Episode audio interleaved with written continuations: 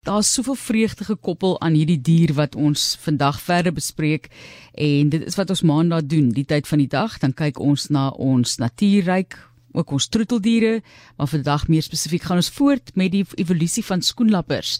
Professor Henk Geertsma is emeritus professor in entomologie en as jy nou wil praat spesialis, dan praat 'n mens met hom. En ons gaan voort met hierdie gesprek.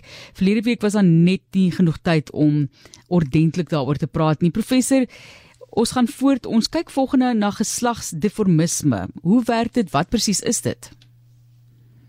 Ehm um, ek ek het nie mooi die vraag verstaan nie. Net vertel net vir ons wat is geslagsdeformisme? Hoe werk dit en wat is dit? O, oh, goed. Ja, nee, die ding is kyk, die probleem is dat die uh skoenlappers dagvliegend geword het. Dit loop baie natuurlik meer sigbaar geword vir die natuurlike vyande.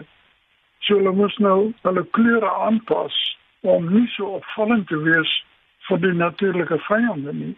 Maar die proses ook, dit wil dit ook gebruik om maats te kan vind. Maar die probleem is nou dat die mannetjies en die wyfies het verskillende funksies in die natuur. Vir die mannetjies is dit rond vlieg, soek 'n maat, paar en dit is verby, maar die wyfie het 'n ander probleem. Sy moet die eiertjies gaan lê Met ander woorde, sy moet tussen die plante beweeg om te soek. Met ander woorde, sy vlieg baie stadig. En as sy helder gekleurd is, dan is sy 'n baie maklike prooi vir natuurlike vyande soos akkedisse, apies en so aan. En so het die kleure eintlik ontwikkel tussen die mannetjies en die wyfies. Maar nou kom ons by die volgende aspek van die verskillende kleure van mannetjies en wyfies en dit is kamouflasie. Want selfs die mannetjies word ook gejag deur ander vleiende uh voëls byvoorbeeld en so aan. So ander manier is dan alhoewel hulle helder gekleed is, as hulle gevoel hulle word gejag, dan sit hulle eerste en vou die vlerke toe en dan is die ondervlerke se kleur smelt dan saam met die omgewing. Met ander woorde word op die manier weer beskerm teen natuurlike vyande. Dan is dan natuurlik die ehm um, geval waar baie van die vlerke van skoenlappers het groot oë op. Dis nie egte oë nie. Dit is oë om die natuurlike vyande te verbar. En nou sien hulle nie die skoenlapper nie. Hulle sien die groot oë. So hulle vermy dan ook daardie skoenlapper. Maar nou het skoenlappers 'n bietjie verder gegaan en hulle byvoorbeeld nou uh, as hulle gaan sit, dan lyk die agterkant net soos die voorkant. So die voorkant is die kop met die voelers aan die agterkant van die vlerkies is daar 'n vals oë op die vlerkies self met sulke sterkies wat dan lyk soos voelers. En die natuurlike vyand sal dan gaan vir die voelertjies op die vlerk omdat hulle beweeg baie meer as die op die kop. Met ander woorde, hulle dan 'n deel van die vlerk van die skoenlapper, maar die skoenlapper self word nie uh, geaffekteer nie. So kleur is baie belangrik. Nou kry mense ook dat uh sekere skoenlappers se rusbers goed op giftige plante. Nou die gif word dan deurgevoer in die lyf van die uh rusber en die lyf van die papie en dan in die volwasse skoenlapper. En natuurlike vyande soos voëls en akkedisse weer, hulle het baie gou geleer om hierdie skoenlappers wat hierdie kleure het, hulle is giftig. Nou kry mense nou die sogenaamde naappels, skoenlappers. Hulle is nie giftig nie, maar hulle ontwikkel in die evolusie dieselfde kleurpatroon as die skoenlappers wat giftig is en op die manier word hulle ook vermy deur natuurlike vyande. So kleure is in skoenlappers baie baie belangrik, maar die ding is hulle moet ook sorg dat dit nie vir die natuurlike vyande en en uh, bykomende uh, moet ek sê, ehm um, lokmiddel moet wees nie. Daai is nou professor soos jy sê, jy wou gesê het, ja? Ja, net, daai is natuurlik 'n vorm van chemiese beskerming soos jy daarna verwys. Daar's 'n ander voorbeeld ook. Ja, die ding is een van die beste voorbeelde is uh, professor Burger van die chemiese uh, ekologiese instituut van die Universiteit van Stellenbosch en ek is deel van sy span. Ons het gekyk byvoorbeeld na die respekties van die lemoenskoenlapper, waarmee die meeste luisteraars bekend is. Nou aanvanklik is die lemoenskoenlapper se ruswerkie 'n swart-wit gekleur om te lyk soos voeltjiemis. Met ander woorde, dit word vermy deur roofdiere soos voëls en ander akkedisse en so aan. Maar daar klein rusverkies is wel aanloklik vir mure, wat natuurlik ook 'n natuurlike vyand is.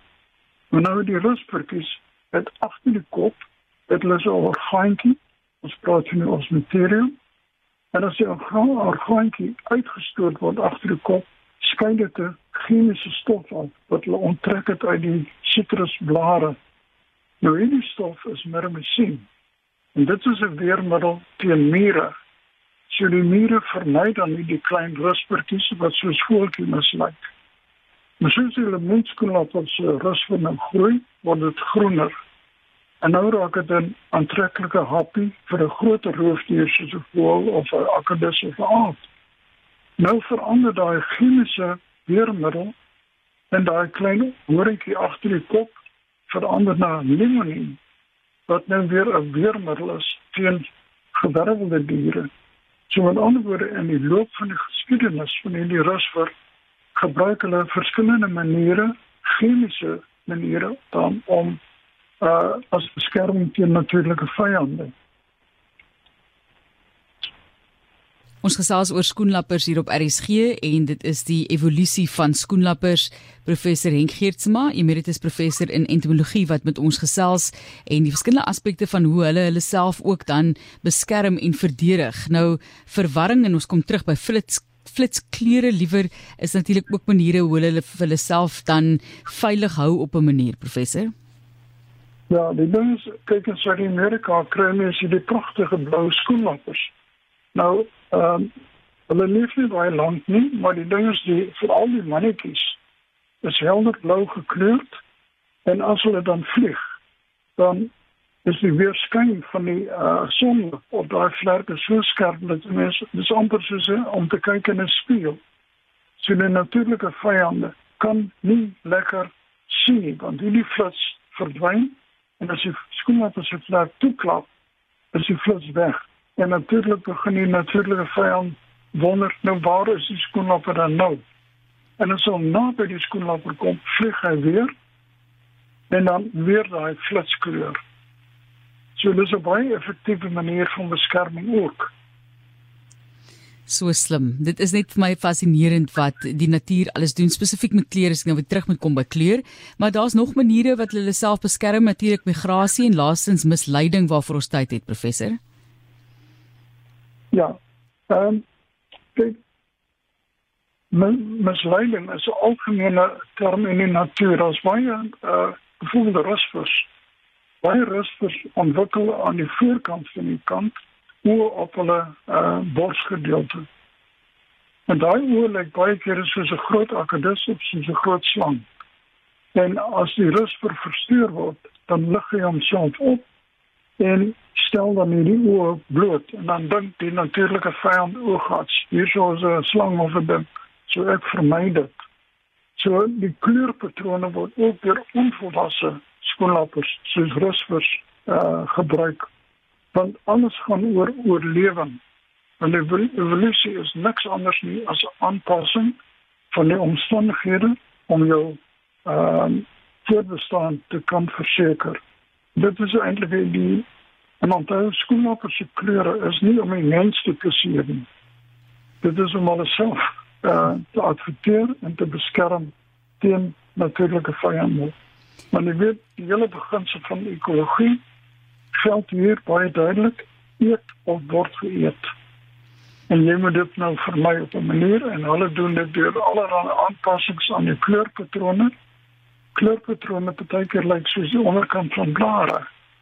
En mens kan nie die verskil sien tussen die regte blare en 'n regte skoenlapper wat die onderkant van die vlerke betref. Maar ek dink graag in die program hoe verklaar ek dit?